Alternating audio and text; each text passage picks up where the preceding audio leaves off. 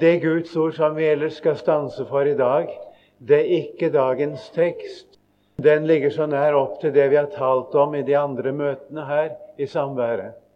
Men det er et annet ord som jeg tror Herren har gitt meg å ta frem i dag, nemlig Salme 73.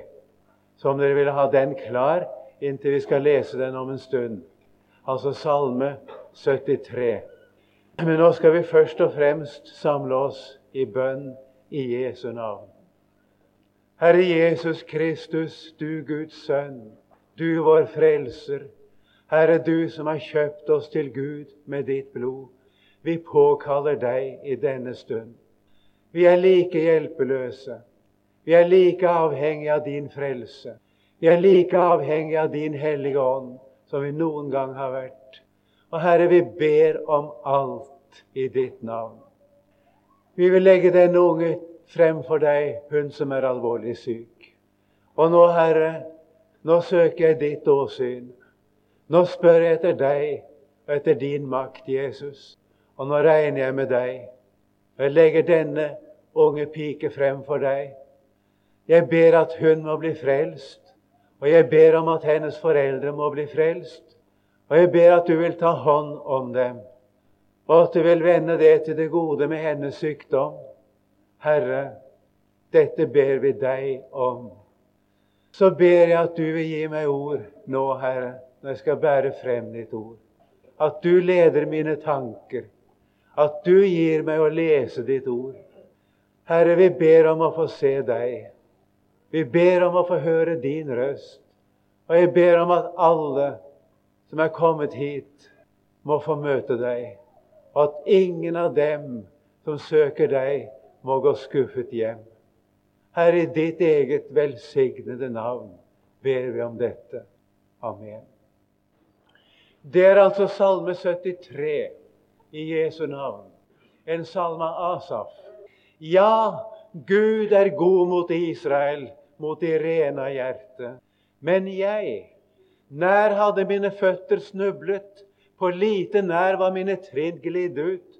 For jeg harmedes over de overmodige da jeg så at det gikk de ugudelige vel. For de er fri for lidelser inntil sin død, og deres styrke er vel ved makt. De kjenner ikke til nød som andre folk, og de blir ikke plaget som andre mennesker. Derfor er overmot deres halssmykke Vold omhyller dem som et kledebånd. Deres øyne står ut av fedme. Hjertets tank bryter frem. De håner og taler i ondskap om undertrykkelse. Fra det høye taler de. De løfter sin munn opp til himmelen, og deres tunge farer frem på jorden. Derfor får de sitt folk til å vende seg om til dem og vann i overflod suger de i seg. Og de sier, hvorledes skulle Gud vite noe? Er det vel kunnskap hos den høyeste? Se, dette er de ugudelige, og evig trygge vokser de i velmakt. Ja, forgjeves har jeg renset mitt hjerte og tvettet mine hender i ur. Jeg ble dog plaget hele dagen og hver morgen kom til meg med tog. Dersom jeg hadde sagt jeg vil tale således, se da hadde jeg vært troløs mot dine barns slekt. Og jeg tenkte efter for å forstå dette. Det var en plage i mine øyne. Inntil jeg gikk inn i Guds helligdommer og ga akt på deres endelikt. Ja, på glatte steder setter du dem. Du lot dem falle så de gikk til grunne, hvor de ble ødelagt i et øyeblikk. De gikk under og tok ende med forferdelse.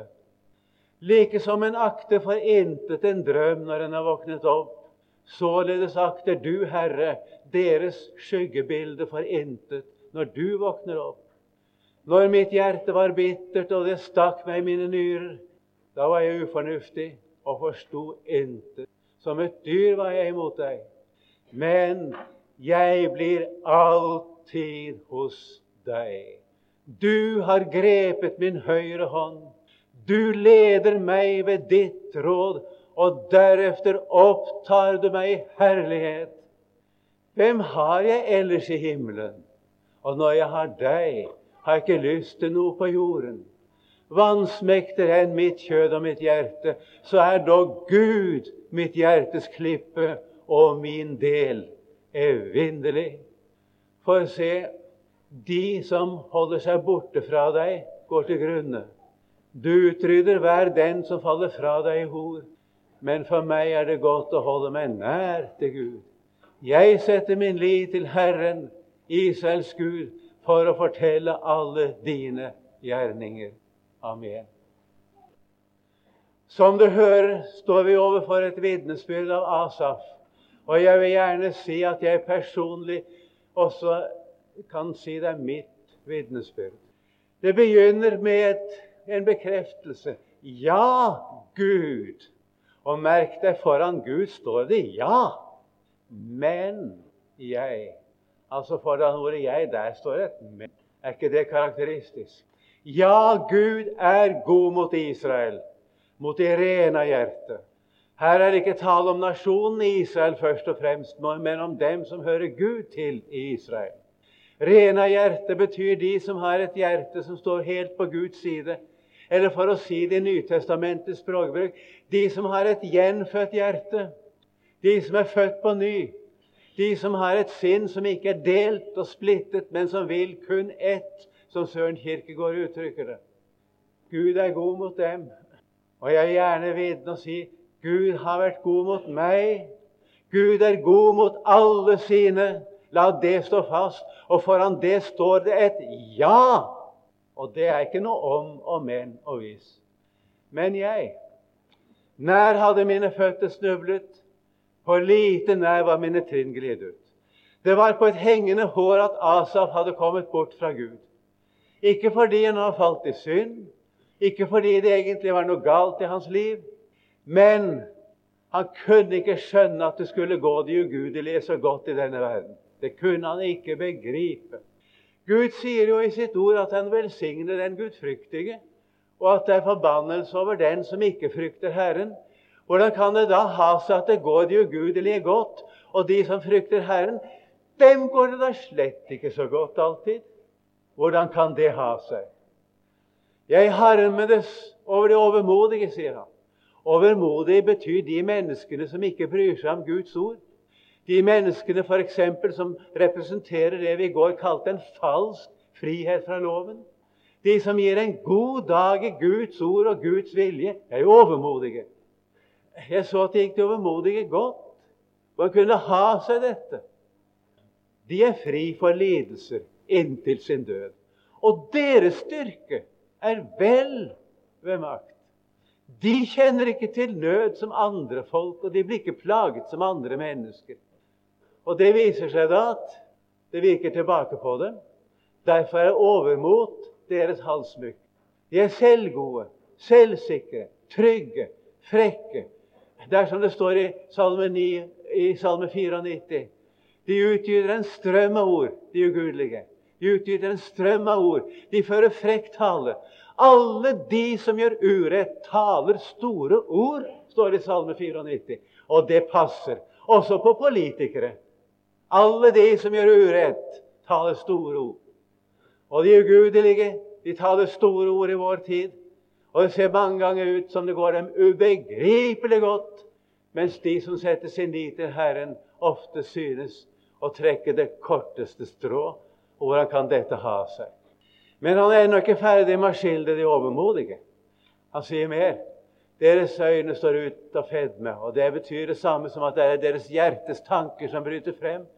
De lever i et vellevnet som viser seg utenpå dem. Og så håner de. Ikke minst håner de Guds folk, og det er det som er meningen her. De håner, og de taler i ondskap om undertrykkelse. Fra det høye taler de, dvs. Si ovenfra og nedad. De er håndmodige, de er ovenpå, de er frekke. De undertrykker alle som de bare kan få undertrykke. Bare de kan få sitte igjennom, spør de ikke om hva som er rett eller urett de går på. Og det er ikke bare overfor mennesker, men også overfor Gud. De løfter sin munn opp ned mot himmelen og deres tunge far frem på jorden.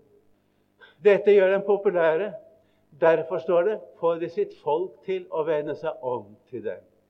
Overmodige, ugudelige mennesker som farer frem uten å spørre etter rett og sannhet, bare for å sette sitt igjennom, og som samler en masse penger og blir rike. Det ser ut som de har lett for å få folk med seg. Nær sagt på hva som helst. Og så kommer det som kanskje var det sværeste av alt for Asaf, og som nok er det sværeste for oss. De sier hvorledes skulle Gud vite noe? Er det vel kunnskap hos den høyeste? Vi er av det beste bevis på at det ikke er noen Gud, sier de. Disse dumme menneskene som tror på Gud. Hadde det vært en Gud, så kunne ikke vi utfolde oss slik som det er. Det sier de rett ut, mange. Hvordan skulle Gud vite noe? Er vel kunnskap hos den høyeste. Kjenner du dette igjen? I Salme 10 leser vi også om dette. Der står det om den ugudelige. Der står det den ugudelige sier i sitt hjerte han hjemsøker ikke. Jeg kan gjøre hva jeg vil. Det er ingen straff. Det er ingen dom. Han hjemsøker ikke. Det er ingen Gud. Det er alle hans tanker. Og hør hans veier lykkes til enhver tid. Langt borte fra ham i det høye er dine dommer.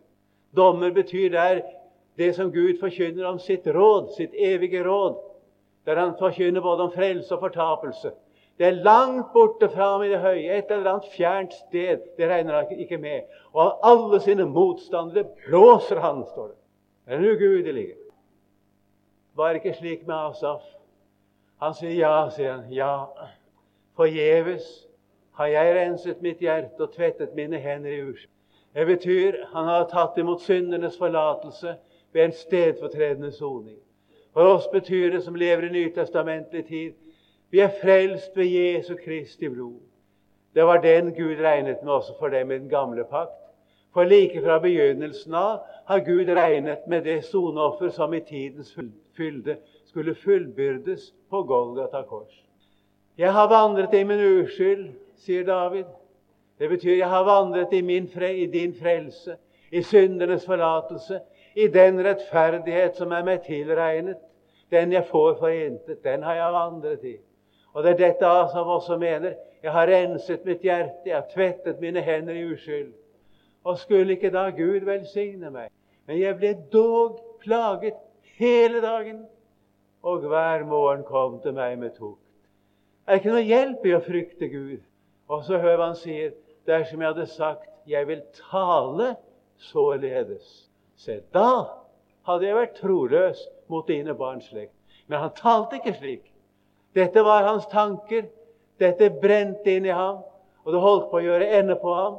Og det var på lite nær at han var kommet bort fra Gud. det var så, Men han forkynte det ikke. Og jeg tenkte etter for å forstå det, sier han. Det var en plage i mine øyne. Det er ikke bare Asaf. Det er mange i dag som ikke skjønner dette. Du som er en kristen, det går deg så mye imot. Og du ser ugudelige, verdslige mennesker som aldri har det mennesket kaller motgang. Det ser ut som de kan gjøre hva de vil. Det var en forretningsmann i Oslo. Han lå på kne i bakværelset i butikken sin og ba til Gud. Og forretningen gikk stadig dårligere, dårligere og dårligere. Og til slutt gikk det ikke i det hele tatt. Tvers over gaten var en annen forretning. Den var i samme bransje. Det var en mann som verken fryktet Gud eller mennesker, som han sier, og stelte med den. Og det viste seg etterpå at han hadde ikke vært så nøye på å være ærlig heller. Den forretningen blomstret, og der så det som alt gikk med. Hvordan tror du det føles for en kristen? Det er som ingenting vil lykkes for meg. Alt går imot meg. Mens mennesker som ikke bryr seg om Gud, det ser ut til at det lykkes for dem. Jeg forsto det ikke, sa han. Jeg tenkte etter, men det var en plage i mine øyne. Inntil Jeg kommer et vendepunkt i vers 17 i denne salmen. Inntil jeg gikk inn i Guds helligdommer. Det er Guds åpenbarte råd som vi møter i Guds ord. Jeg gikk inn i Guds helligdommer. Da fikk han se noe. Men før vi nå taler mer om det, så er det et par ting vi må ha klart for oss innen vi går videre. Hva er egentlig medgang du, i et menneskes liv? Og hva er motgang? Hva er egentlig lykke, og hva er ulykke? Skal vi få klarhet over det, så må jeg få stille enda et spørsmål. Du syns kanskje det ikke har så mye med saken å gjøre, men nettopp det har det. Hva er det et menneske egentlig eier? Kan du svare meg på det? Du eier ikke din eiendom. Du eier ikke huset ditt. Det kan jo hende det er banken eller forsikringsselskapet som eier det. Og det kan jo være en fordel for deg, for så har du mindre skatt. Men du er klar over at din eiendom betyr ikke noe. Du eier ikke engang dine evner, dine anlegg, dine krefter. Du har det så lenge Gud lar deg ha det, og så lenge Gud lar deg bruke det. Du vet ikke hvor lenge det er. Hva er det egentlig du eier, og jeg eier, og som vi ikke kan komme fra om vi andre så meget vil? Det er to ting et menneske eier. Det ene er øyeblikket nå. Det eier vi. Vi eier øyeblikket. Og kjære venner, vi tar et øyeblikk om, dag, om gangen. Det er ingen av oss som tar en dag om gangen, som vi ofte sier. Det gjør du ikke, nei. Kommer du aldri til å gjøre. Men øyeblikket, nå, det er jeg. Det er det ene. Og så er jeg hele evigheten. Det eier et menneske. Øyeblikket, tiden, nuet og hele evigheten. Gud har bestemt noe for oss mennesker i evigheten. Han fattet et råd hos seg selv før han skapte himmel og jord og noe menneske. Og Det rådet går i korthet ut på at alle mennesker skal bli frelst. Det ville Gud. Gud vil at vi skal bli evig salige, evig lykkelige, komme inn i en fullkommen harmoni, en evig salighet hvor alt ondt er borte. Det er målet for oss. Det stikker dypt, egentlig, når det står i vår kirkebønn Du har satt meg et evig mål hos deg. Og nå kan vi spørre hva er medgang? Medgang her i livet er at jeg opplever det som hjelper meg til å nå det mål som Gud har satt for meg Det er medgang. Alt annet er motgang. I gamle dager, seilskutetiden, talte man om medbør og motbør. Medbør var alt det som hjalp en skute til å nå målet på kortest tid. Motbør var det som hindret skuta i å komme frem til målet. Medgang, kjære venner, er det som hjelper oss mennesker til å nå det mål som Gud har satt for oss. Og Jeg kunne ha lyst til å spørre deg om du tjener penger, om du blir mektig, innflytelsesrik, om du når alle de mål du har satt deg her i livet, og går fortapt, hva så? Ja, hva så? Er det medgang? Hvis din helse skulle virke at du går fortapt, var det ikke bedre at Gud tok helsen fra deg? Gud handler med oss for at vi skal nå det mål Han vil. Så sier Gud til en du skal få være frisk, sier han.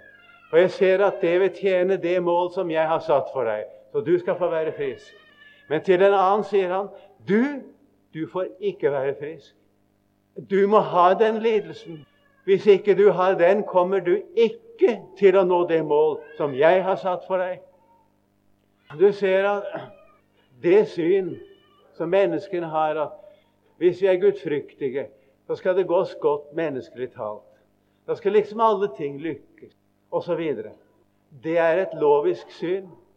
Det har ingenting med Guds hellige lov eller med evangeliet å gjøre. Det er et egenrettferdig syn. det. All loviskhet er egenrettferdig. Og dette loviske syn det ødelegger for mange mennesker og for mange kristne. Og Nå kan vi gå tilbake igjen til den salme 73, og vi har kommet til vers 17 inntil jeg gikk inn i Guds helligdom og ga akt på deres endelig. Så får han se noe. Ja, sier han, på glatte steder setter du dem. Du lot dem falle så det gikk til grønne, hvor de ble ødelagt i et øyeblikk.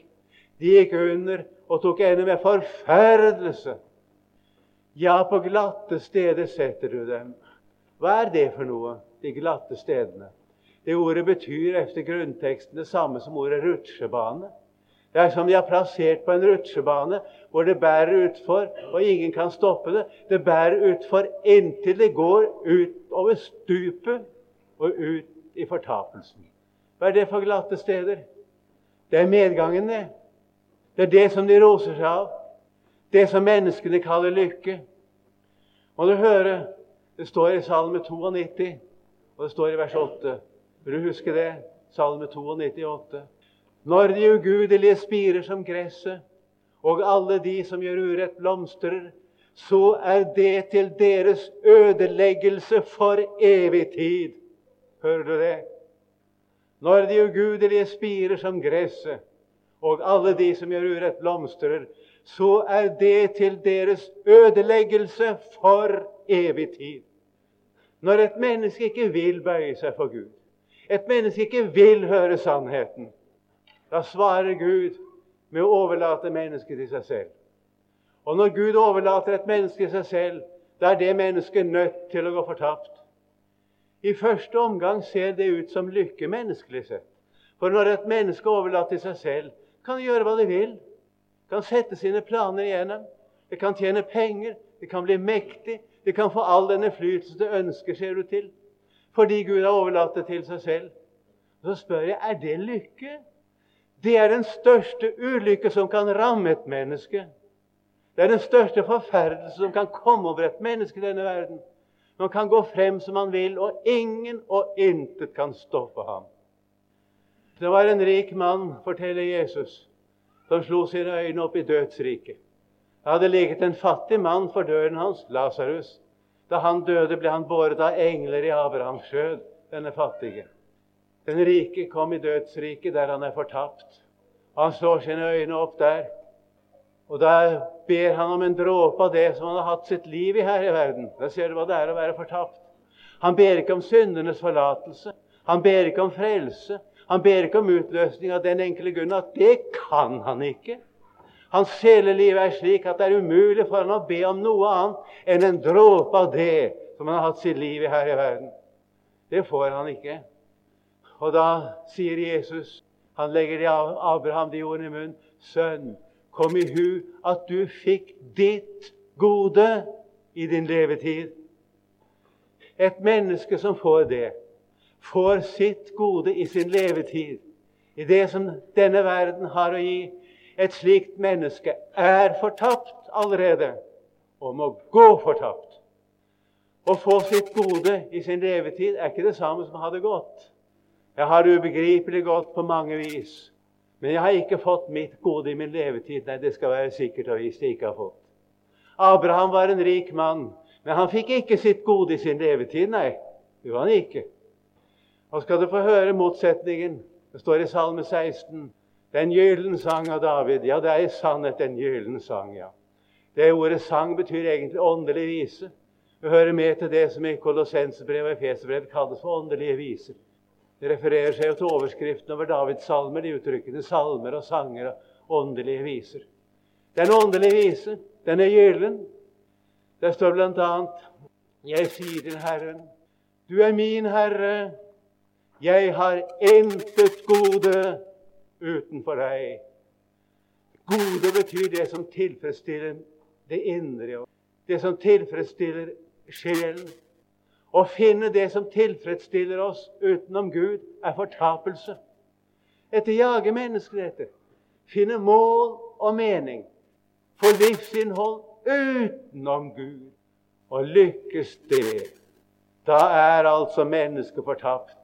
Og det er nødt til å gå fortapt. Tror du Gud vil det? Begynner du nå å forstå, du som synes du har hatt så mye lidelse? Du som har hatt så mye motgang, begynner å forstå at det er du som har medgang. Forstår du det? Medgang, det er å oppleve det som knytter meg til Jesus. Det som fyller mitt hjerte med Jesus. Det som gir meg del i Den hellige ånd. Det som gjør at Herren selv, han er mitt virkelige gode. Det er medgang. Alt som hindrer dette, det er motgang. Og Jeg vil gjerne si til dere unge mennesker som er her, du som er innstilt på å tjene penger Hvis du blir rik, da blir du et elendig og fattig menneske. hvis du blir rik, får mye av denne verden, og du når alle de mål du kan tenke deg, som du gjerne vil ha menneskelig sett, blir du et ulykkelig menneske, og du står i stor fare for å gå fortapt.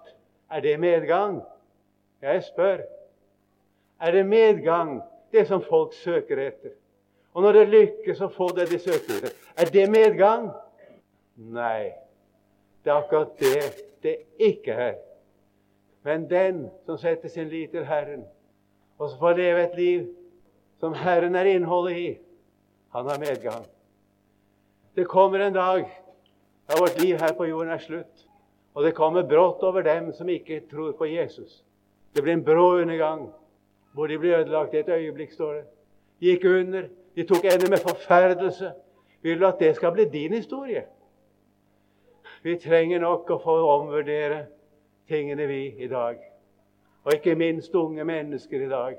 De trenger en ny vurdering. Den vurdering som Gud gir oss i sitt ord.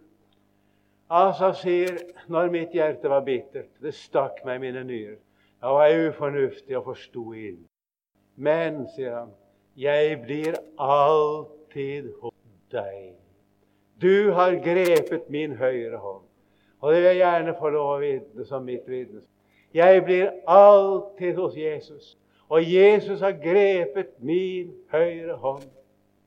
Det står riktignok i en salme eller en sang å tro det er å tage sin frelse fast i hånd. Ja, det skulle et nydelig tak. Det holder ikke lenger. Nei, Jesus, han har tatt meg i hånd, han. Og han holder fast. Det kan du stole på. Du har grepet min høyre hånd. Du leder meg ved ditt råd, og deretter opptar du deg herlighet. Dette er medgang, det er godt folk. Dette er lykke. Dette er salighet. Det er mange som har sagt til meg at du kan da be Gud om å ta og, og, og gi deg syn. Nå har jeg vært blind i ti år, vet du.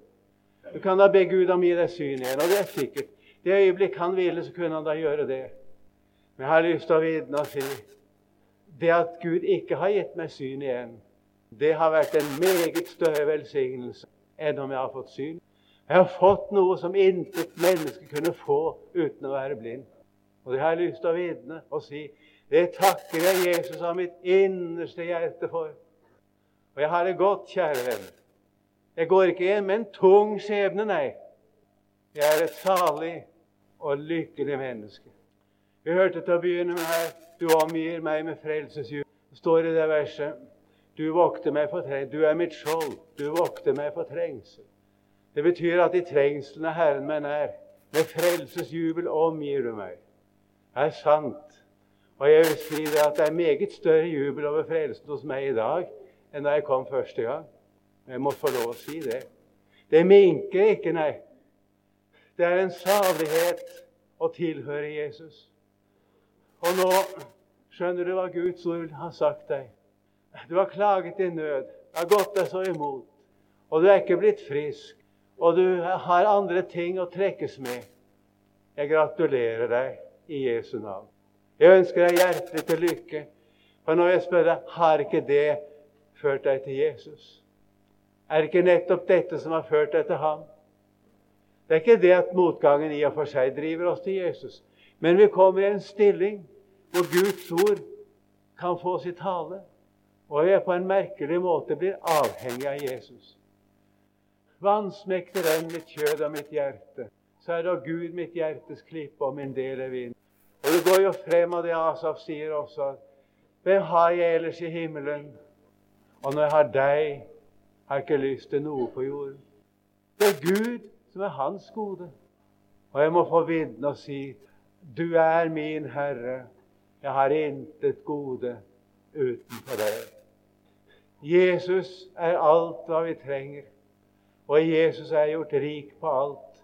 Og jeg er velsignet med all åndelig velsignelse i himmelen i Kristus. Og i ham bor hele guddommens fylde legemlig, og jeg er jo fylt i ham. I 1949 hadde vi generalforsamling i Trondheim. Da talte Ludvig Hope i domkirken søndag ettermiddag. Han talte fra det ordet 'Den som seirer, vil jeg gjøre til en støtte i min Guds tempel'. Så fortalte han om en idrettsmann som på den tid var landskjent. Ja, han var kjent utenfor Norges grenser. Han arbeidet i en sprengstoffabrikk på Horten. Og det er et risikabelt arbeid. En dag eksploderte det. De var 15 mann i den fabrikken, og 14 av dem ble blåst ut på gaten. Men denne sportsmannen han ble blåst bort i et hjørne, og der fant de ham ille tilrødt døende. Og de beklaget ham sterkt da, vet du, at han skulle få en så ulykkelig skjebne. Og så sier han nei, nei, nei, sa nei, nei, nei. I dag har jeg vunnet min største seier. Jeg har funnet Jesus. Ja, det er sant. Jeg har vunnet min største seier. Jeg har funnet Jesus. Og så stilte han det spørsmålet. Er det smått stell med den som har Jesus? Nå vil jeg be deg svare. Er vi ulykkelige som har Jesus og alle Guds løfter? Og jeg er Jesus, det er medgang, det. Og uten det at jeg har Guds ord. Jeg har en trofast, allmektig frelse. Jeg får sette min lit til ham. Det er medgang. Og så sier Guds ord her, og ikke minst til dere unge vil jeg si det, det er et advarende ord. Se, de som holder seg borte fra deg, går til grunne. Du unge, som så nødig går på møte, og som har så vanskelig for å lese Bibelen, og som ikke kan ta deg sammen og be til Gud. Jeg vil si deg i Jesu navn. Du går til grunne fordi du holder deg borte fra Gud. Du må søke sammen med Guds folk. Og fremfor alt skal du gå på de små møtene hvor de ber til Gud og vitner om Jesus. Det er ikke noe som er slik som disse små møtene hvor vi kommer sammen og få lov å vitne, lese Guds ord, be til Gud sammen. Si meg, er du der? Du har så mange ting å tenke på. Det er så mange ting du har lyst til. Hva tror du er medgang i ditt liv? Å følge det du har lyst til, eller følge det Guds ord anviser deg? Og glem ikke hva Herren sier deg i dag. Se, de som holder seg borte fra deg, går til grunne. Gjør ikke det, er du snill. Men for meg er det godt å holde meg nær til Gud. Jeg setter min lit til Herren Israels Gud for å fortelle alle dine gjerninger. Og til slutt Det var dette vi gjerne ville skulle nå til alle mennesker utover jorden. Vi har en frelser. Det er en som har tatt bort dommen og straffen for oss og innbyr oss til seg. Og kjære kristne venner, la oss ikke glemme dem som er i mørket. Og la oss ikke glemme våre utsendinger på misjonsmarkene. De er våre representanter. De er der ute i vårt sted og forkynner dette budskap. Det er lyset som skinner i mørket. La oss være med og fortelle alle Herrens gjerninger også på den måten at vi er tro i å sende ordet ut. Så forstår du hva Herren vil i dag. Salig er den som setter sin liv til ham. Vi takker deg, Jesus. Vi opphøyer deg og ditt store navn, du som har forløst oss. Jeg vil særlig takke deg at du steller med oss etter den måten du ser vi er tjent med det på. Herre, jeg ber at du vil virkeliggjøre dine tanker og dine planer med oss. Og jeg ber for dem som har hørt ordet her i dag. Herre, legg det inn i hjertene.